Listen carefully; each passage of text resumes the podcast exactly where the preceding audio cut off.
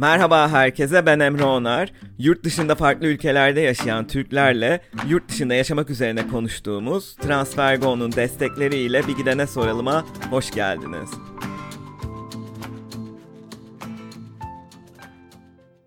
Transfergo uygun kur ve düşük gönderim ücretiyle 30 dakika gibi kısa bir sürede uluslararası para transferi yapabileceğiniz ve herhangi bir sorununuzda hızlıca Türkçe destek alabileceğiniz bir mobil uygulama. Bu bölümde önce ailesiyle Bakü'den Ankara'ya, sonra iş hayatıyla İstanbul'a, sonra da geçen sene İstanbul'dan Londra'ya taşınan Gönül Valiyeva konuğum.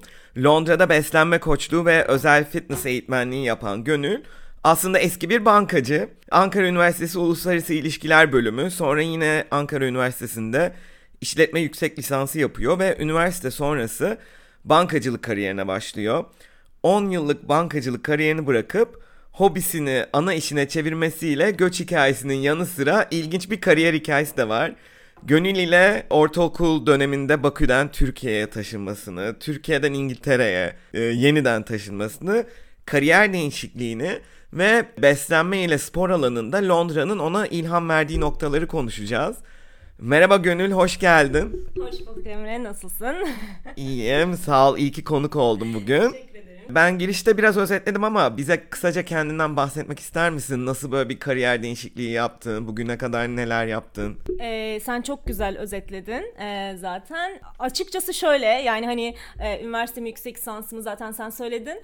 Ama e, ben herhalde e, 30 yaşında evet toplumun benden istediği her şeyi yaptım. Bundan sonra kendi istediğim şeyleri yapmak için hayatıma devam etmek istiyorum dedim. O yüzden e, hem kariyer değişikliği hem ülke değişikliği yaptım e, 38 yaşımda. Ama bunun kararı 30 yaşında başlamıştı ve çok da memnunum ve diğerlerine de ilham vermek için hala hem e, Instagram'da hem zaten e, böyle bir platformda iyi ki beni konuk aldın anlatmayı çok istiyorum. Valla ben de heyecanla dinlemek istiyorum senin tecrübelerini. Bölüm öncesi biz daldık konuşmaya. E, çünkü neyse o sorulara geleceğiz zaten. Böyle merakımı çeken birkaç açıklaması oldu gönülü. Ee, ama öncelikle İngiltere'ye nasıl taşınmaya karar verdin? Bunu sormak istiyorum aslında benim kararım değildi desem. Şöyle ki e, benim zaten öğrencilerim vardı. Hem Azerbaycan'da, Moskova'da, Türkiye'de, Londra'da birçok yerde öğrencim vardı. Online olarak ders veriyordum ama öğrencilerim hep diyordu özellikle Londra'da çok fazla gel gel işte hani ama şey gibi böyle ha gelirsin okey falan diye düşünürsün ya. Sonra tam eski patronum, direktörüm Serkan Sütçü hiç unutmuyorum böyle kanyonda oturuyoruz.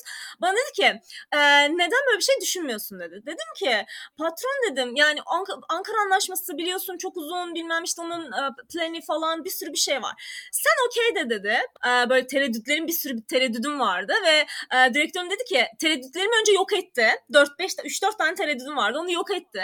Sonra dedi ki sen bu gece bir düşün. Yarın gel bana okey de ben sana ayarlayacağım dedi. Dedim ki patron business management falan bir plan falan bir sürü bir şey var yani onları nasıl ayarlayacak? Sen okey dedi ben sana ayarlayacağım. Ve gerçekten yol böyle bir şey. Ve o gün o karar ver verdik ve şey dedi çünkü en kötü bir sene gidersin dedi, denersin dedi. Şu anki seviyenden çok daha yüksek bir seviyede olacağına garanti verebilirim dedi. Sonra dönersin beğenmezsen dedi. Ve ben o gece düşündüm. Zaten online olarak yapıyordum. Ne fark edecek dedim.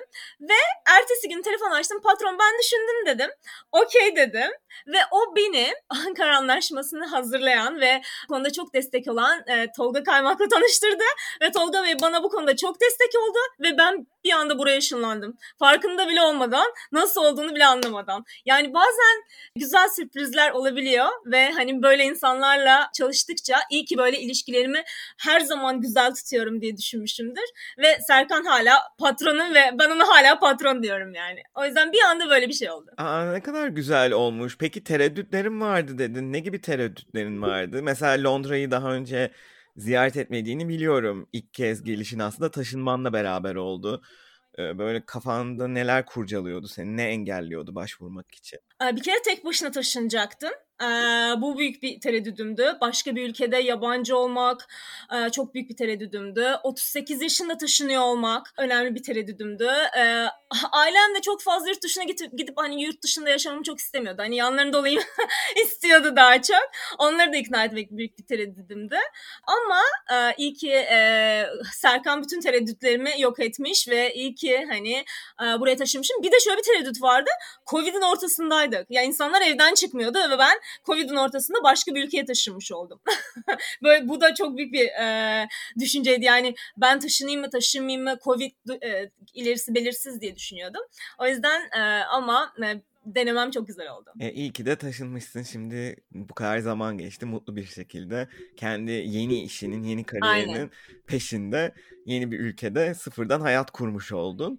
E, bu da aslında zor olsa da yapılabiliyormuş. Aslında senin hikayen bunu da gösteriyor. Aynen öyle. İlk izlenimlerin nasıldı? Böyle kafandaki İngiltere veya Londra beklentini karşılamış mıydı ya da böyle çok şaşırdığın şeyler var mıydı? Yani çok beklentim yoktu. Ee, ben Londra'ya daha önce hiç gelmedim. Daha doğrusu şöyle çok seyahat ediyorum. Yani Filipinler, Bali, Ürdün falan hani böyle Avrupa zaten çok seyahat ettiğim yerler ama Londra hep çok yakın. Zaten ne olacak bir kahve içer gelirim falan diye düşünüyorum. hiç gelmediğim. Hatta vize başvurumu yaptığımda bana dediler ki ya Gönül her şeyin çok uyuyor ama şöyle bir sıkıntımız var. Ee, sen yani bu kadar pasaportunda bu kadar şey var, giriş çıkış var ve hiç Londra yok. hani sadece red yersen buradan yiyebilirsin. Hani bu kız Londra'ya gelmemiş bile yani. Şu an neden taşınmak istiyor acaba falan diyebilirler diye. Şöyle çok beklentim yoktu. Hani hani Avrupa'yı çok seyahat ettiğim için Avrupa şehirleri gibi düşünüyordum. Daha otantik yani böyle daha tarihi geldi. Hani o kısmını çok sevdim. Bir de mesela şey bekliyordum. Daha tabii ki ben Mart'tan Ekim'e kadar İstanbul, Bodrum yaşayan bir insan olduğum için hadi bütün yazın şey geçmesi, kapalı geçmesi benim böyle biraz modumu hafif düşürmüş olabilir. Ee, biraz yorucuydu o konuda ama genel olarak keyifli bir şehir. Ee, beklentimi şöyle karşıladı. Çok güzel yani. Genel olarak mood olarak çok güzel, insanlar olarak çok güzel. Onu daha sonraki sorularda hani zaten anlatacağım. Ee, peki bu zamana kadar Londra'da en sevdiğin şeyler neler oldu? Ee, öncelikle özgürlüğü. Londra'yı şöyle tanımlayabilirim. Ee, gerçekten herkesin istediğini yaptığı e, başkasına zarar vermediğin sürece istediğini yaptığı bir ülke olarak tanımlayabilirim. Ve insanların İngilizler çok soğuk falan e, diye hep duyuyoruz ve biliyoruz falan. Hiç değil. Yani hiç değil ve ben hiç şey bir İngiliz görmedim. İşte soğuk falan. Hep kibar, hep güler yüzlü ve gerçekten herkesin aşırı yardımcı olduğu. Nereye gider hatta şey çok gülerim. Nereye gidiyorsan herkes ben çünkü bir şeylere bakmaya, bir şey bulmaya falan çalışıyorum. Herkes böyle are you okay? Are you okay? Devamlı böyleler. çok hoşuma gidiyor gerçekten. Bu, bu, bu gerçekten çok keyifli. Ve kendini yabancı hissetmiyorsun. En güzel kısmı bence bu.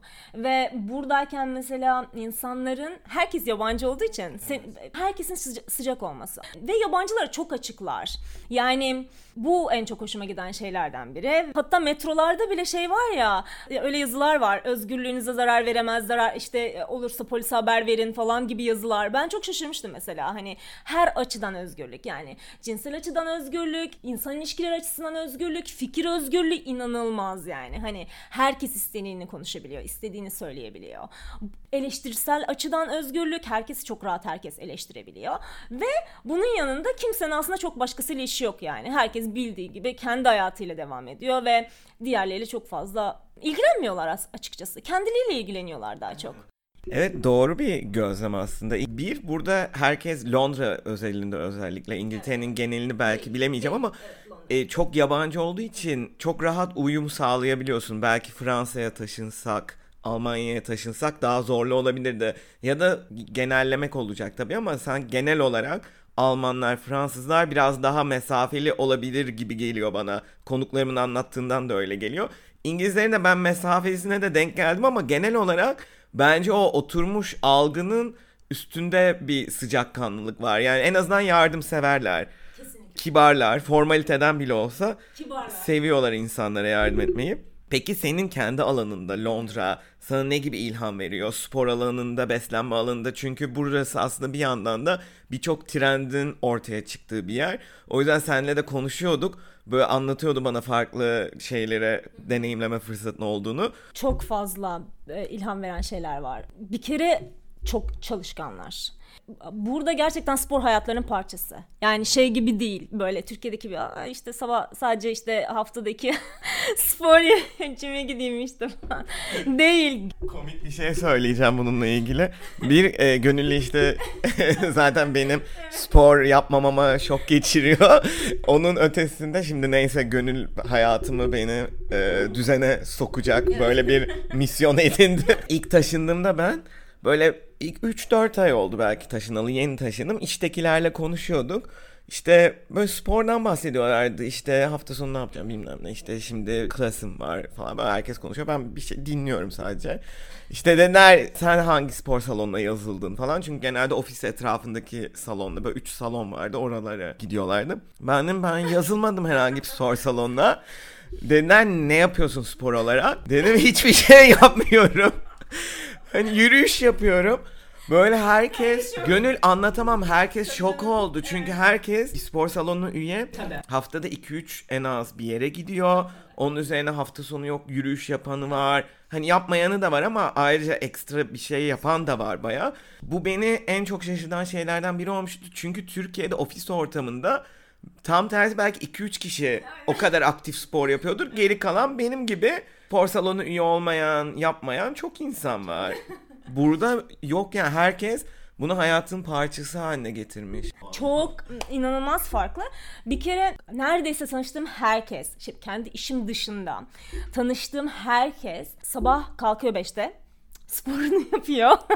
Gerçek bu inanılmaz ilham veriyor.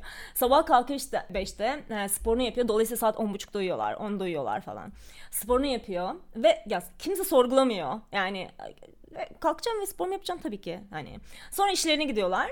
Ee, akşam çıkıyorlar yine spora gidiyorlar. Bir saat. Bu benim kafa dinleme yöntemim. Kendimi iyi hissettiğim tek yer burası ve sporunu yapıyorum. Sonra bir sosyal aktivitesi varsa zaten hep hepsi evinin yanında olduğu için e, sosyal aktivitesi varsa işte geliyor duşunu alıyor tekrar sosyal aktivitesine gidiyor. 10.30'da yatıyor. E, klasik bir beyaz yakalı hayatı. Ve en kötüsü hani spası, jim'i hani en azından gider bir yürür. En kötüsü yani. Mutlaka bir spor salonu üyedir. Hatta sadece bir tane değil birkaç tanesine üye oluyorlar. Çünkü bir tanesinde işte tenis oynuyor, bir tanesinde işte sporunu yapıyor. Ya o yüzden 24 saat açık spor salonları var. 24 saat açık. Yani saat 4'te de spor yapan görebilirsin orada. Çok normal. Hatta buradaki influencerlar şöyle e, şey yapar. Saat 4'te de gidip spor yapabilirsiniz. Hani kendinizi e, kötü hissetmeyin. Hani ben 4'te mi gidiyorum spor yapmaya ve zaman isterseniz. Bu arada 4.30'da falan spor isteyen e, bir sürü öğrenci var. İstiyorlar yani 4.30'da başlayan. Aynen 4.30'da spor yapan. Çünkü hatta şöyle derler. E, günün geri kalanında başka insanlara gerekebilirsiniz. Hani kendiniz için e, ayıracağınız zaman saat böyle 4 ile e, 7 8 arası bir zaman. E, o yüzden erken uyuyorlar. Yani saat bildiğin 9.30'da. Bana 9'da yatağa girenler var yani. Böyle bildiğin. Çünkü ben bütün öğrencilerime soruyorum yani. Hani kaçta yatıyorsun, kaçta uyanıyorsun. e, ve kadınların her yaşta çok güzel olması beni çok etkiliyor. Hmm. Yani her kadın şöyle görebilirsin. 60 yaşında Kindle'ını almış, rujunu sürmüş, makyajını yapmış, süslenmiş, kafesine gitmiş, kahvesini almış, oturmuş ve kitap okuyor, kahvesini içiyor. Bu beni inanılmaz mutlu ediyor. Ya bunu görmek çok büyük ilham veriyor bir kere. Ve ben e, buradaki özellikle Türk topluluğu benim çok fazla öğrencim de var hani oradan. Türk topluluğu biraz daha e, o yüzden diyorum ki Bakın ya en azından sizin önünüzde örnek var. Ne kadar güzel. Ya Türkiye'de bunu çok göremezsin yani böyle 60 yaşında birinin süslenmiş gitmiş böyle kahvesini içen. Hani inanılmaz büyük bir keyif hani bunu görmek. O yüzden bana hani ben özellikle 30 yaş üstü hani benim genelde hedef kitlem de böyle 30 yaş üstü hani kadınlar ama her zaman şey söylüyorum. Bakın bunlar bize en güzel örnek olacağımız şey. Her yaşta her şeyi hissetmek, her duyguyu yaşamak her şeyi yapabilmek. Bunun için gücünün olması için hem spor yapmak zorundasın hem aynı zamanda iyi beslenmek zorundasın. Hani başka türlü olmaz. Ve e, bir sürü bar okulu var ben barfit e, trainer'ım aynı zamanda. E, bir sürü bar okuluna gidiyorum ve bir sürü spor salonları var ve e, bir sürü spor salonlarında her türlü derse katılıp farklılıkları görmeye çalışıyorum. Onlar çok büyük ilham veriyor. E, festivaller çok fazla. Wellness festivalleri çok fazla Türkiye'den farklı olarak. Ya ben neredeyse hiçbirini kaçırmamaya çalışıyorum. Ve Wellness Festivali nasıl bir şey? Daha yeni Shoreditch'te oldu. Aa, benim, benim mahallem. Evinin yanı. Çok güzel. Ee, biz mesela en son Balance Festival'e katıldık. Ee, ve iki gün sürdü.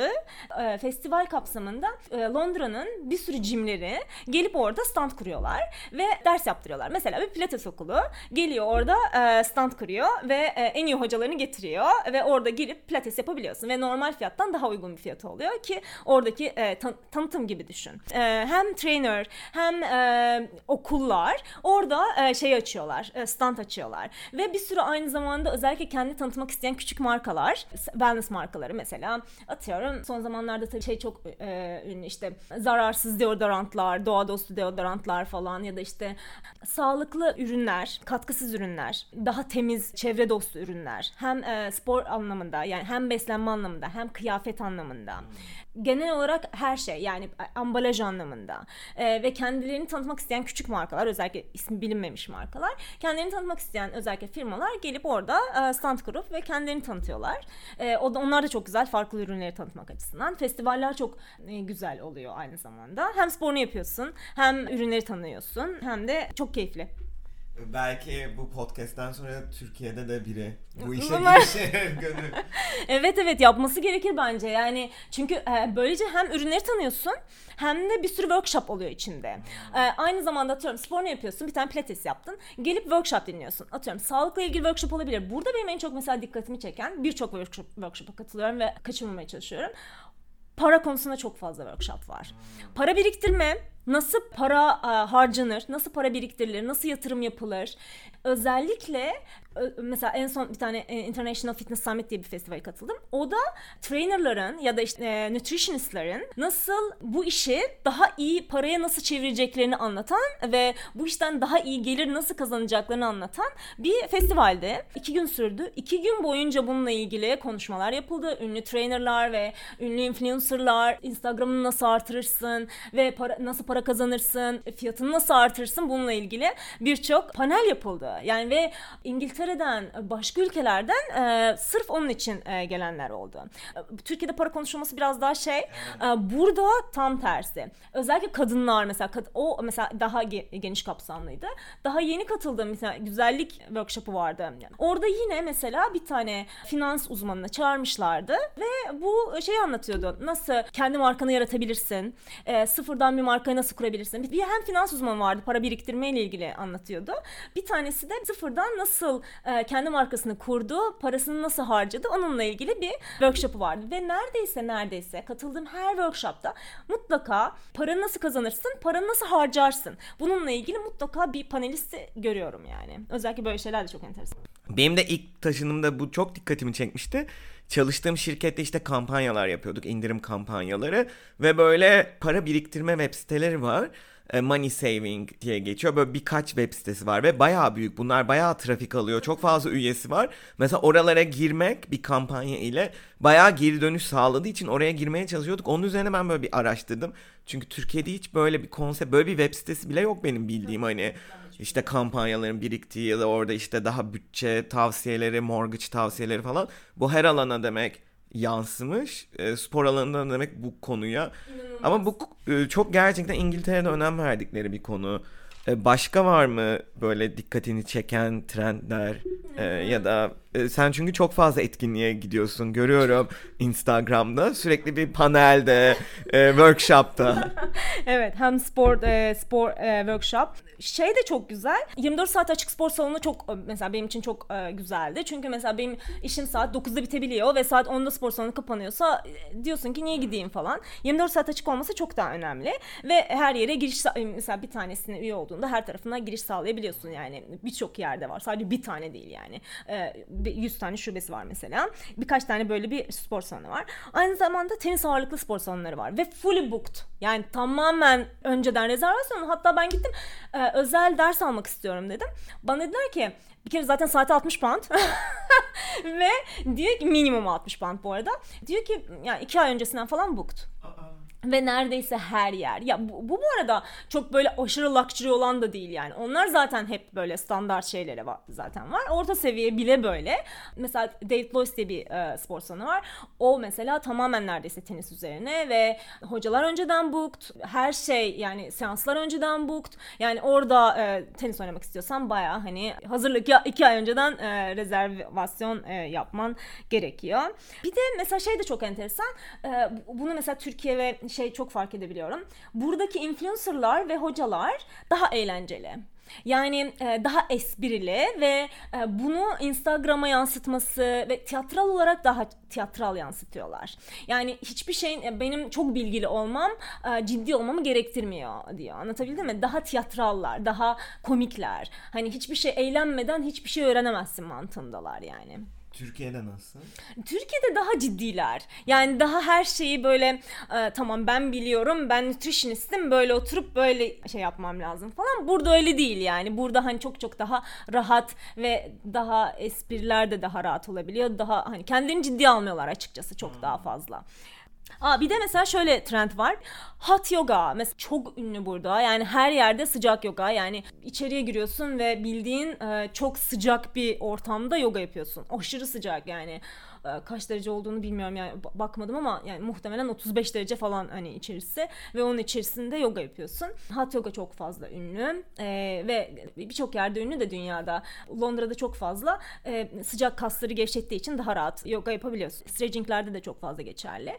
Müzede yoga seansları yapılması e, çok benim dikkatimi çekmişti. Çok e, enteresan. Sky Garden'da 35. katta e, yoga seansları düzenlenmesi çok güzeldi. Hafta sonları düzenleniyor. Ve gerçekten spor her yerde teşvik ediliyor. İnsanlar herkes çok sağlıklı besleniyor mu?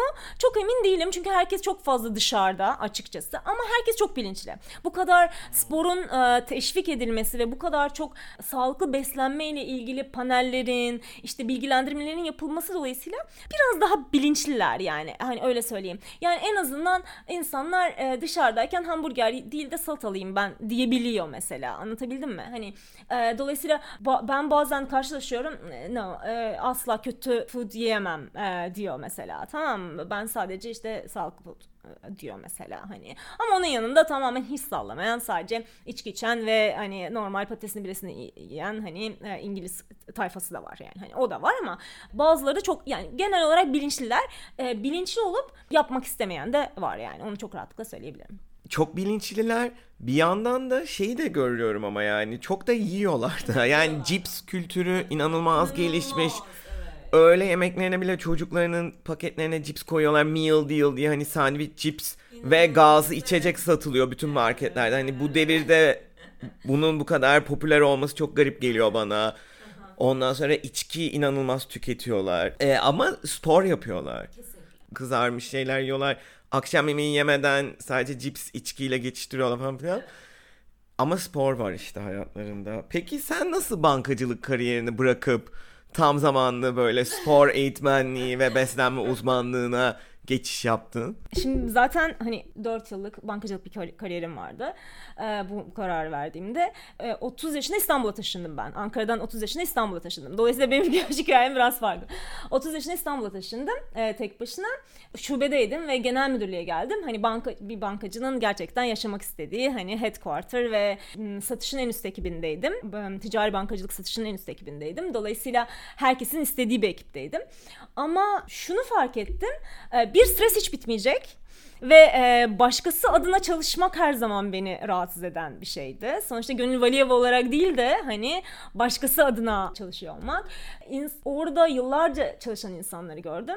Beni tatmin etmediğini fark ettim. Yani benim karakterimin hani biraz daha ya orada kalırsam çok kapanacaktım. Ya benim için daha farklı yollar olduğunu fark ettim. Ama bunun ne olduğunu bilmiyordum tabii o sırada ve ben spor hayatımda yani 2 yaşında 3 yaşında baleyle başlayan bir spor geçmiş geçmişim vardı. Dolayısıyla hani benim için spor zaten hani günlük su içmek gibi günde iki saat sabah akşam e, ev, e, iş yerimin karşısında spor salonu vardı. Dolayısıyla sabah akşam e, benim için hani o sırada anlamıyordum yani bilmiyordum ama bu işi yapmak istemeyeceğimi biliyordum. Ve e, Bali'ye gittiğimde beni böyle aydınlatan kısım oydu. Yine e, geçmişi yine kurumsal olan biri e, işini bırakmış Bali'de tur rehberliği yapıyordu. Aynı zamanda şirketleri vardı birkaç şirketi falan. Kerem Bey hatta e, hala Instagram'ını ta- takip eder Kerem Bey. Tabii biz o sıra şikayet ediyoruz. Herkes beyaz yakalının klasik şeyi. E, şikayet eder falan. Dedi ki e dedi senin elinde dedi. Nasıl ya falan diye ben herkes gibi o sırada bahane, bahane uyduruyorsun. Çünkü çıkış yolu hiç göremiyorsun. Dedi mesela gel burada yaşa dedi. Dört dilim var ve e, en azından tercümanlık bile yapabilirsin dedi. Ve Bali vize istemiyor. Hani neden olmasın dedi. Ben böyle baktım bir önce nasıl ya falan. Hani o sırada bir hani insan şey yapamayabiliyor ya, düşünemeyebiliyor.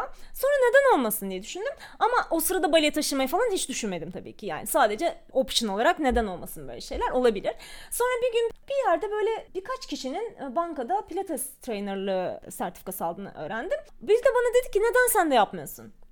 Dedim tamam ben spor yapmak benim hobim ama yani bunu yani iş olarak yapmak çok başka bir şey. Tamam bir de herkes bana ne, nasıl besleniyorsun hani yaşıma göre her zaman iyi olduğumu söylerler. Ama e, nasıl besleniyorsun nasıl spor yapıyorsun falan ama bunu iş olarak yapmak çok farklı bir şey. Sonra neden olmasın ya dedim ve çok böyle Amerika'yı falan araştırıyordum. O sırada tam e, bankanın 3 dakika arkasında bir yerde e, hatta Amerika okulu Amerika'dan e, kadına yazışırken dedi ki hiç senin buraya gelmene gerek yok. Biz zaten şu noktaya gelip e, her ay ders veriyoruz. Dedim ki nasıl yani hani falan ve e, hani orada da workshop düzenliyoruz. E, dolayısıyla derslerimiz orada zaten oradan e, mezun olduğunda sen zaten dünya ünlü bir yerden mezun oluyorsun ve sınavı e, 6 seviyeyi bitirip sınavı anca bizim e, onayımızla geçiyorsun. Dolayısıyla hani buraya gelmene gerek yok aynı şey çünkü.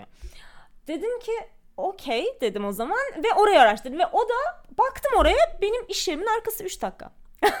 ve dedim ki bu bir, bir, bir bu bir işaret. Ve e, oradaki işte level'ları bitirdim. E, ama çok zordu bankayla birlikte yürütmek ve bankanın arkasında ya bankadayken tahmin edersin ki başka yerde çalışmak olmaz. Benim direktörüm de dinleyecek bunları biliyorum. e, başka yerde çalışmak olmaz ve artık böyle hem level'ları bitirdiğimde e, insanlar beni sormaya başladı. Ben hani, tabii ders vermeye başladım ve hani beni sormaya başladılar falan ve bu sefer e, Gönül Valiyeva ismi hani çok fazla da bilinen e, Türkiye'de başka Gönül Valiyeva yoktur. Headquarter'da çalışan, yapı kredide çalışan kaç tane Gönül Valiyeva olabilir. Dolayısıyla bu sefer ne olacak hani bir şeyim oldu. E, bir, bir, bir, bir durdum yani.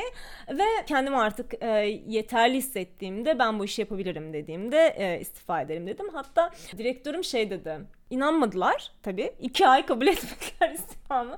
İnanmadılar çünkü nasıl yani bu bu bu şeyi bırakmak ya, ne yapacaksın falan hani. Gerçekten trainer mi olacaksın? Mümkün değil yani hani hem kazanç hem şey hani mümkün değil nasıl bırakacaksın falan. Ama dedim ki ben hani kendi işimi yapmak istiyorum dedim ve e, bıraktım. Yeni kariyer tercihinle de İngiltere'ye taşındın aslında ve artık tamamen bu alanda çalışıyorsun. Bence bu yönüyle de ilham verici bir hikaye. Çünkü bunu yapmayı düşünen çok insan var ve sen de o tereddütleri yaşamışsın. Ve günün sonunda şimdi bu hayallerini gerçekleştiriyorsun. Hem de çok, çok daha iyi. Hem de çok çok daha iyi, çok çok daha iyi koşullarda ve çok çok daha iyi ortamlarda ve bambaşka anlatılacak bir konu ama kariyer değişikliği yapmak isteyenler gerçekten bana yazabilirler yani her konuda destek verebilirim ve ben hep şunu söylüyorum e, hayatınız boyunca tek bir şey yapmak zorunda değilsiniz ve özellikle Londra'da bu yok. Yani kimse tek e, burada özellikle bu konuda çok teşvik ediliyor. İnsanların e, bir işi e, sonsuz yapmamaları gerektiğini biliyorlar, bilincindeler. Mesela e, 10 yıllık bir asker geçmişi olan bir kız bırakıp, benim ev arkadaşım, bırakıp e, şu an e, bir firmada HR ve e, bayağı manager seviyesinde. Dolayısıyla sadece workshoplarla kariyer değişikliği yapabiliyorsun ya da kurslarla kariyer değişikliği yapabiliyorsun ve bu kesinlikle kabul edilen e, mesela kursunu alıp nutritionist olabiliyorsun. E, işte e, ya da kursunu alıp trainer olabiliyorsun ya da e, bir çok çok farklı e, alanlarda kursunu alıp mesela güzellik uzmanı olabiliyorsun. Çok farklı alanlarda bu e, teşvik ediliyor ve kabul ediliyor ve isteniyor. Evet benim de bu dikkatimi çekiyor. Hatta 3. sezon 4. bölümde e, Nergis e, diye bir arkadaşımın konu kalmıştım. O da psikoloji okuyup yani klinik psikoloji master yapıp sonra kariyer değişikliği yapmıştı burada. Bir dediğin gibi event kursuna gidip etkinlik yönetimi kursuna gidip etkinlik yönetimi alanında çalışmaya başladı. Onu bayağı sürdürdü 5 yıl. Sonra yeniden kariyer değişikliği yaptı. Dijital pazarlama alanında çalışmaya başladı şimdi. Yine dediğin gibi böyle farklı sertifikaları elde ederek.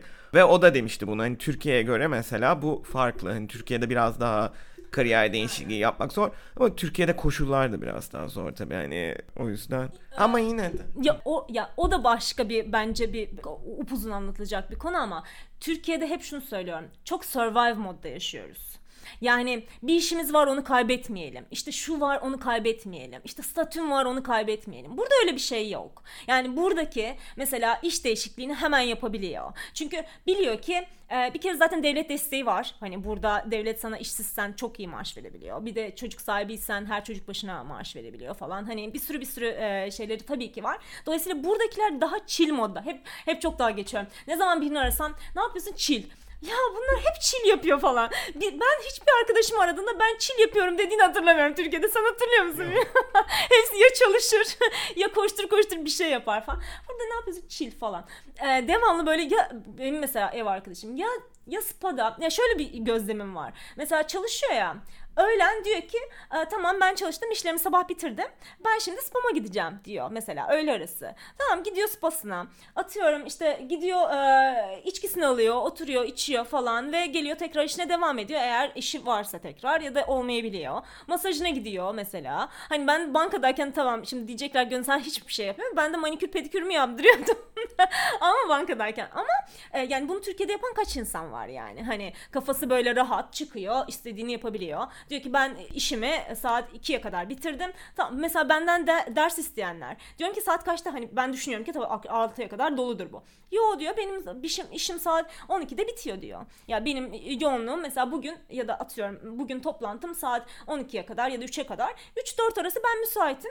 Bu, bu benim e, öğle arasını değerlendirme yöntemim. 3-6'ya kadar mesela e, tamamen boşalabiliyor falan. Ve bu e, manager tarafından da okey ve çalışan tarafından da okey. Yani bu da mesela çok dikkatimi çekmişti. Yani öğrencilerim öyle çünkü çok dikkatimi çekti Türkiye'den farklı olarak. Kimse bu kadar gergin değil. Yani Türkiye'de biliyorsun herkesin e, iPad şeyleri iPad'leri açık ve hani herkes sürekli tetikte falan. Hani orada burada çok daha rahatlar o konuda. Evet. Ee, evet şirketler de bu iş ve özel yaşam dengesine dikkat ediyorlar. Öğlen spa'ya gitmek güzelmiş. Biraz ekstrem geldi ama güzelmiş. Hepsi, öğrencilerin hepsini, hepsi yapıyor. Aa. İlginç. Bu arada yeni bir yere adapte olmak isteyenler için tavsiyelerin var mı? Sonuçta sen şimdi dediğin gibi 38 yaşında yeni bir ülkeye taşındın. Ee, İngiltere'ye adapte oldun ve burada kendi işini yapıyorsun. Daha önce de ortaokul döneminde ailenle beraber Türkiye'ye taşınarak aslında iki kere farklı bir göç hikayesi yaşıyorsun. Azerbaycan'dan Türkiye'ye taşınmak e, nasıldı? Bana sanki iki ülke arasında çok fark yokmuş gibi geliyor hep ama gerçekten öyle mi? Türkiye taşındığında böyle zorlanmış mıydın? Bunu da merak ettim. Azerbaycan'dan Türkiye'ye taşınmayı anlatayım. Ee, 12 yaşında taşındım. Tabii Türkiye'nin dinamikleri çok farklı, Londra'nın dinamikleri çok farklı. Bir de yaş farkı var tabii ki. Şimdi 12 yaşında taşınmanın verdiği tabii ortaokul daha acımasız bir dönem. Dolayısıyla hani ortaokulda gelmek ve çocuklar tabii ki daha acımasız olabiliyor. Hatta yani e, hocalar da hani e, anlıyor musun e, bunu e, diyebiliyor mesela işte bir matematik hocam bu anlattığımı anlıyor musun demişti ve e, tabii ki orada yani şöyle söyleyeyim şimdi Londra'da bir okulda e, neredeyse herkes yabancı. İngiliz çok az bulursun. 2-3 kişi ama Türkiye'de e, o 30 kişilik sınıfta Azeri olan sadece bendim. Hani öyle bir fark da var yani. Biz, biz çok dinamik var kültürel açıdan. Ve e, matematik hocam bana sen anlıyor musun demişti. Ben de anlıyorum çünkü bana çok kolay gelmişti. Orada çok daha zor bir eğitim sistemi var. Rus eğitim sistemi çok ağırdı. E, buraya geldiğinde çok kolay gelmişti. Ve neden anlıyor musun diye sorduğunda hiç anlamamıştım.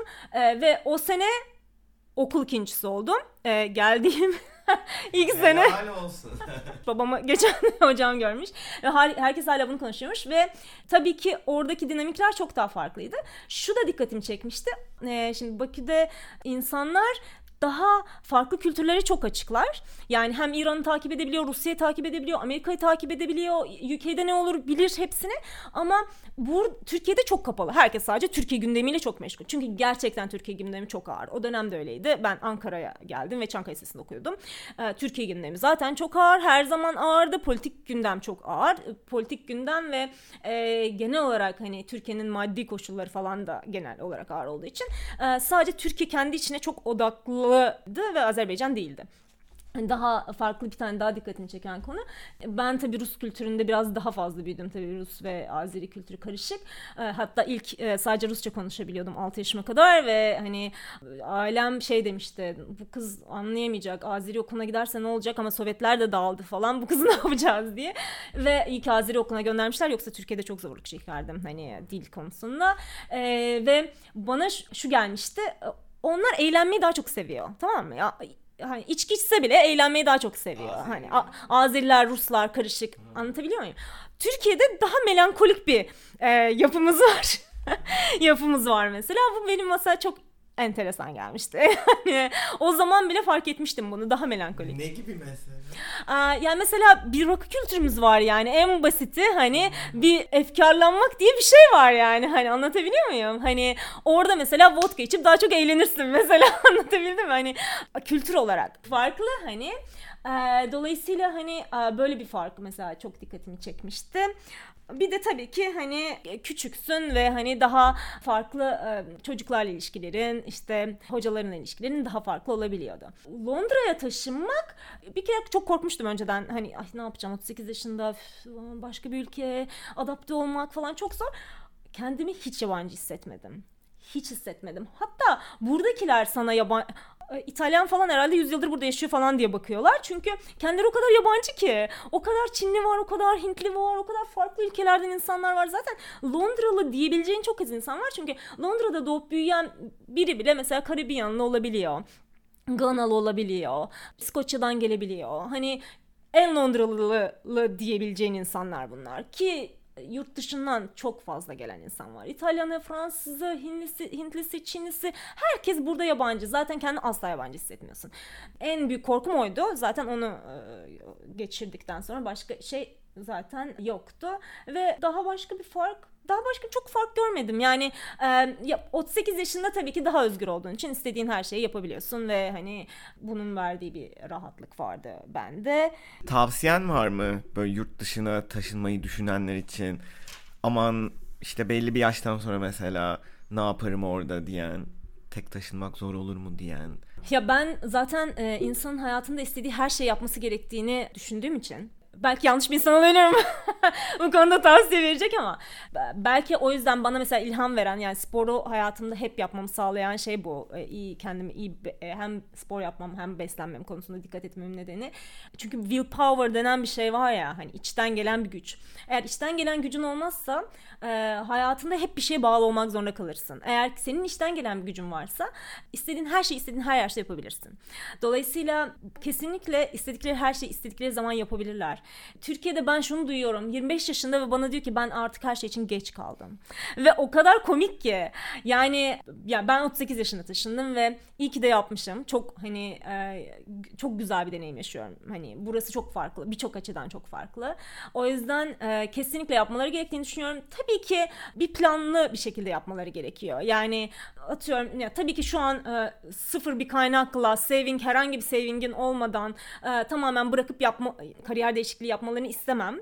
Ama Türkiye'de title'a çok takılıyor ya. ya. Ben müdürüm nasıl bırakacağım işimi falan. Halbuki müdür ve outsource olarak bir iş yapabilir ve kendi hobisini de bir taraftan devam ettirebilir. Belki maaşı biraz daha düşük olur. Onu da saving yapıp belki yurt dışına taşınabilir. Hani anlatabiliyor muyum? Birçok şey yapılabilir ama e, bizde biraz daha o konuda çok cesur değiliz maalesef o survive moddan kaynaklı yarın ne yapacağım e, duygusundan kaynaklı.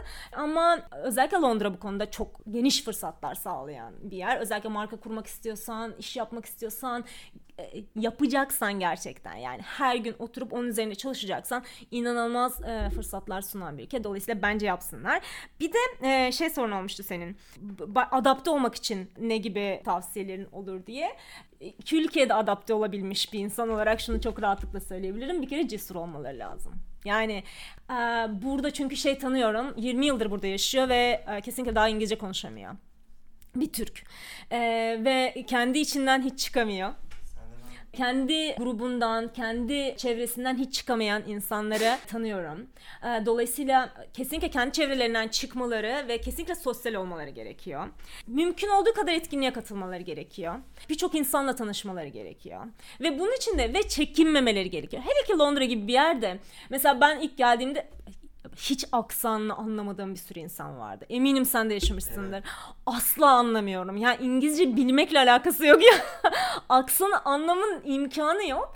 Ve iletişim kurmayı bir şekilde kesinlikle şey bakmıyorlar ya. Of bir anlamıyor falan. Hani diye bakmıyorlar ya. Kesinlikle bir daha anlatıyorlar ya da daha yavaş anlatıyorlar falan. Ve e, mesela bir yere gidiyordum şeyi hatırlıyorum. İşte 100 yıldır orada olan bir kafeymiş ve e, balığını bir yerden alıyormuşsun. Fish and chips muhabbeti var ya içkisini başka bir yerden alıyormuşsun ve ben gittim. Dedim ki orayı bana çok böyle övdüler git orada ye. Dedim ne nereden alınıyor ya hiç anlayamadım tamam mı? Böyle oradaki çocuk da bana böyle bakıyor tamam mı? Hani niye anlamadı falan hani. Dedim ki come on yani ben yeniyim burada yardımcı olmam bana lazım falan güldüm. E tabii ki de böyle güldüler ve destek oldular falan. Ve hani gerçekten hani kimsenin e, çekinmemesi ve gerçekten cesur olmasını e, öneririm. Gazetelerini mutlaka takip etmeleri gerekiyor. Ve mutlaka buradaki trendleri takip etmeleri gerekiyor. Ben mesela e, şunu hatırlıyorum kitapçıya gittim. İlk yaptığım şey. E, dedim ki ya Londra'nın özetini e, anlatan bir kitap verebilir misiniz bana dedim.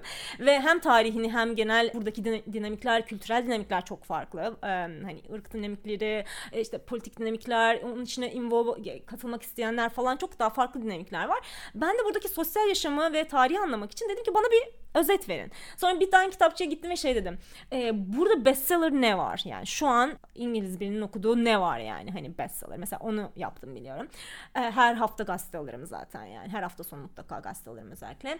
Ve hiç zamanım yoksa yani hafta sonu okurum diye. Ve e, mesela şunu yaptığımı biliyorum arkadaşlarıma buradaki yani tanıştığım e, arkadaşlarıma senin sosyal olarak takip ettiğin yani burada mesela ilişkileri anlatan burada işte sosyal yaşamı anlatan e, dinamikleri daha anlatabileceğim takip ettiğin düşünürler kimler takip ettiğin influencerlar kimler okuduğun kitaplar neler diye hep sorup her birinden ayrı cevaplar almayı seviyorum. Mesela bu da çok önemli. Beni hani buraya daha yakınlaştıran bir şey ya da gittiğin etkinlikler neler falan diye çok sormayı seviyorum. Mesela böyle bir şey yapabilirler.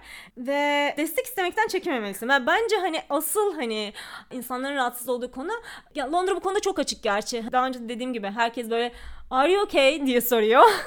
bir şeye bakarken falan direkt yardımcı olmaya çalışıyorlar. Ama yine de hani e, yani şey olmazsın yani böyle kafanı kaldırdığında böyle bir yere bakıyorsan zaten are you okay diye ya polis gelir yanına. E, oradaki bir güvenlik görevlisi falan gelir. Yani are you okay diye ya kafanı kaldırıp bir yere bakıyorsan yani direkt are you okay diye gelirler zaten.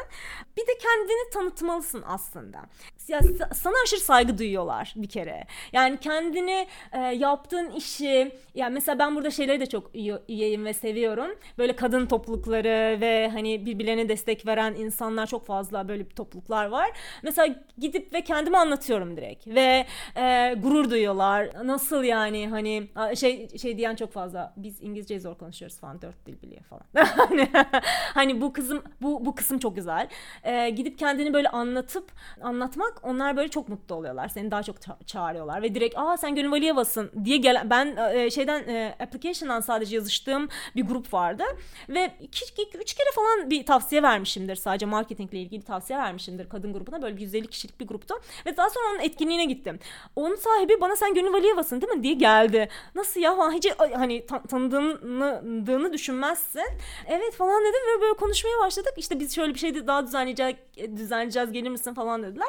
E, çok zamanım olmadı ama mesela şeylerine hala katılıyorum. E, workshoplarına hala katılıyorum mesela yani. Gerçekten bunlar çok keyifli şeyler. E, dolayısıyla hani kimsenin çekinmemesini isterim ve e, mümkün olduğu kadar açık olmasını. Çünkü Londra çok açık bu konuda. Yani her açıdan çok açıklar, çok rahatlar. Çok özgürler, çok kibarlar, çok açıklar ve istediğin her şeyi burada yapabilirsin. Başkasının saygı e, sınırını ya yani başkasının özgürlüğüne karışmadan istediğini yapabilirsin gerçekten. Bu çok keyifli bir şey. Böyle tavsiyeler verebilirim. Son iki klasik soruma geçiyorum. E, Türkiye'ye dair veya Azerbaycan'a dair özlediğin bir şeyler var mı? Aa, e, yemekleri. yemekleri, özellikle Türk yemeklerini gerçekten çok e, özlüyorum ve e, bu arada Londra mutfak açısından sen de biliyorsun muhteşem. Yani dünyanın birçok mutfağı burada ve her gün farklı bir mutfak keşfetmekten artık böyle oh my god mesela geçen Tay mutfağı keşfettim bir tane böyle bir restoran. Hala böyle inanılmaz. Mesela Hint restoranlarına bayılıyorum. Tay restoranlarına bayılıyorum ve muhteşem yemekler var. Hani ne yiyorsun falan diye soranlar var bana mesela. Tay yemekleri muhteşem. Hint yemekleri zaten muhteşem. Japon e, sushileri falan zaten demiyorum hani. İspanyol mutfağı mesela çok güzel. Bir sürü değişik e, şeyler görebiliyorum burada. Ama tabii ki de böyle özlediğim Türk yemekleri var. Bakü'yü de çok özlüyorum ama Bakü hani daha böyle e, çocukluğumda e, kalan bir şey. Bütün akrabalarım herkes bu arada orada. E, oranın duygusal bir kısmı çok başka. Hani orayı çok başka özlüyorum. Genel olarak hani Türkiye'de Türkiye'de olan ve burada olmayan e, aslında çok şey de yok. Çünkü Türk marketleri çok fazla sen de biliyorsun ve Türk marketlerinde neredeyse hani her şey satılıyor. Hatta şey burada saat böyle 4'te 5'te market kapanırken Türk marketi bazı yani Tesco'lar Tesco'lar hariç Tesco'lar hani e, geç saate kadar açık ama e, Türk marketleri 12 saat yani 24 saat çalışan Türk marketleri var. Dolayısıyla hani o konuda biraz daha şanslı olduğumuzu söyleyebilirim yani. Özellikle Türk komitesinin çok olduğu alanlarda iyice hani Türk marketleri çok fazla. Dolayısıyla orası bildiğin Türkçe falan konuşuyorlar yani. hani herkes Türk zaten ve e, gidip hani merhaba selam diye deyip böyle gayet şey yapabiliyorsun yani. Ve herkes Türk çok fazla Türk'le karşılaşırsın burada yani. Herkes Türk neredeyse burada. Hani evet yani inanılmaz çok. Zaten burada yerleşik Türkler de var. Bir de onun üzerine şu son 4-5 senede özellikle son 2 senede gelen Türk sayısı çok arttı. Ben şok geçiriyorum. Yani 2 senede değişimi gördüm resmen. Sokakta bu kadar yani hep duyuyordum Türkçe daha da arttı. Sanki her yerinde Londra'nın. Ve şey online Türk marketi bile var. Bir market mesela o kurucusu Betül Hanım'ı konuk almıştım. Hani normal market yoksa online Türk marketi bile var. Eve bir gün içinde sipariş geliyor falan. İnanılmaz. Bir de tabii ki neyi özlüyorum? Güneş. Çeşme, Bodrum, Antalya değil yani hiçbir yer. Burada yani hani insanlar böyle hafif güneş gördüğünde gerçekten böyle şeyi takip ediyorlar. Güneşliyse yani havuzda kesinlikle yer bulmam mümkün değil. Herhangi bir çimlik bile olsa devamlı kendilerini güneşe atıp böyle e, güneşleniyorlar. O yüzden e, bu güneş kısmını çok özlüyorum. Hava durumunu çok özlüyorum Türkiye'de özellikle. Çok deniz, kum, güneş çok özlüyorum. Hani e, nehir nehir falan var ama yok yani kesinlikle. Nehir, kanal idare etmiyor. Anca böyle kendimizi avutuyoruz onlarla. Peki dönmeyi düşünüyor musun Türkiye'ye? Şöyle e, bilmiyorum tabii döner miyim dönmez miyim e, yani şu an burada mutluyum ve hani e, işimi de iyi yapıyorum e, yani kader ne gösterir e, biraz böyle hani şeyim ben e, böyle çok e, net bunu yapacağım yerine biraz akışı çok seviyorum. E, akış ne gösterir çok fazla bilmiyorum ama şu an burada mutluyum.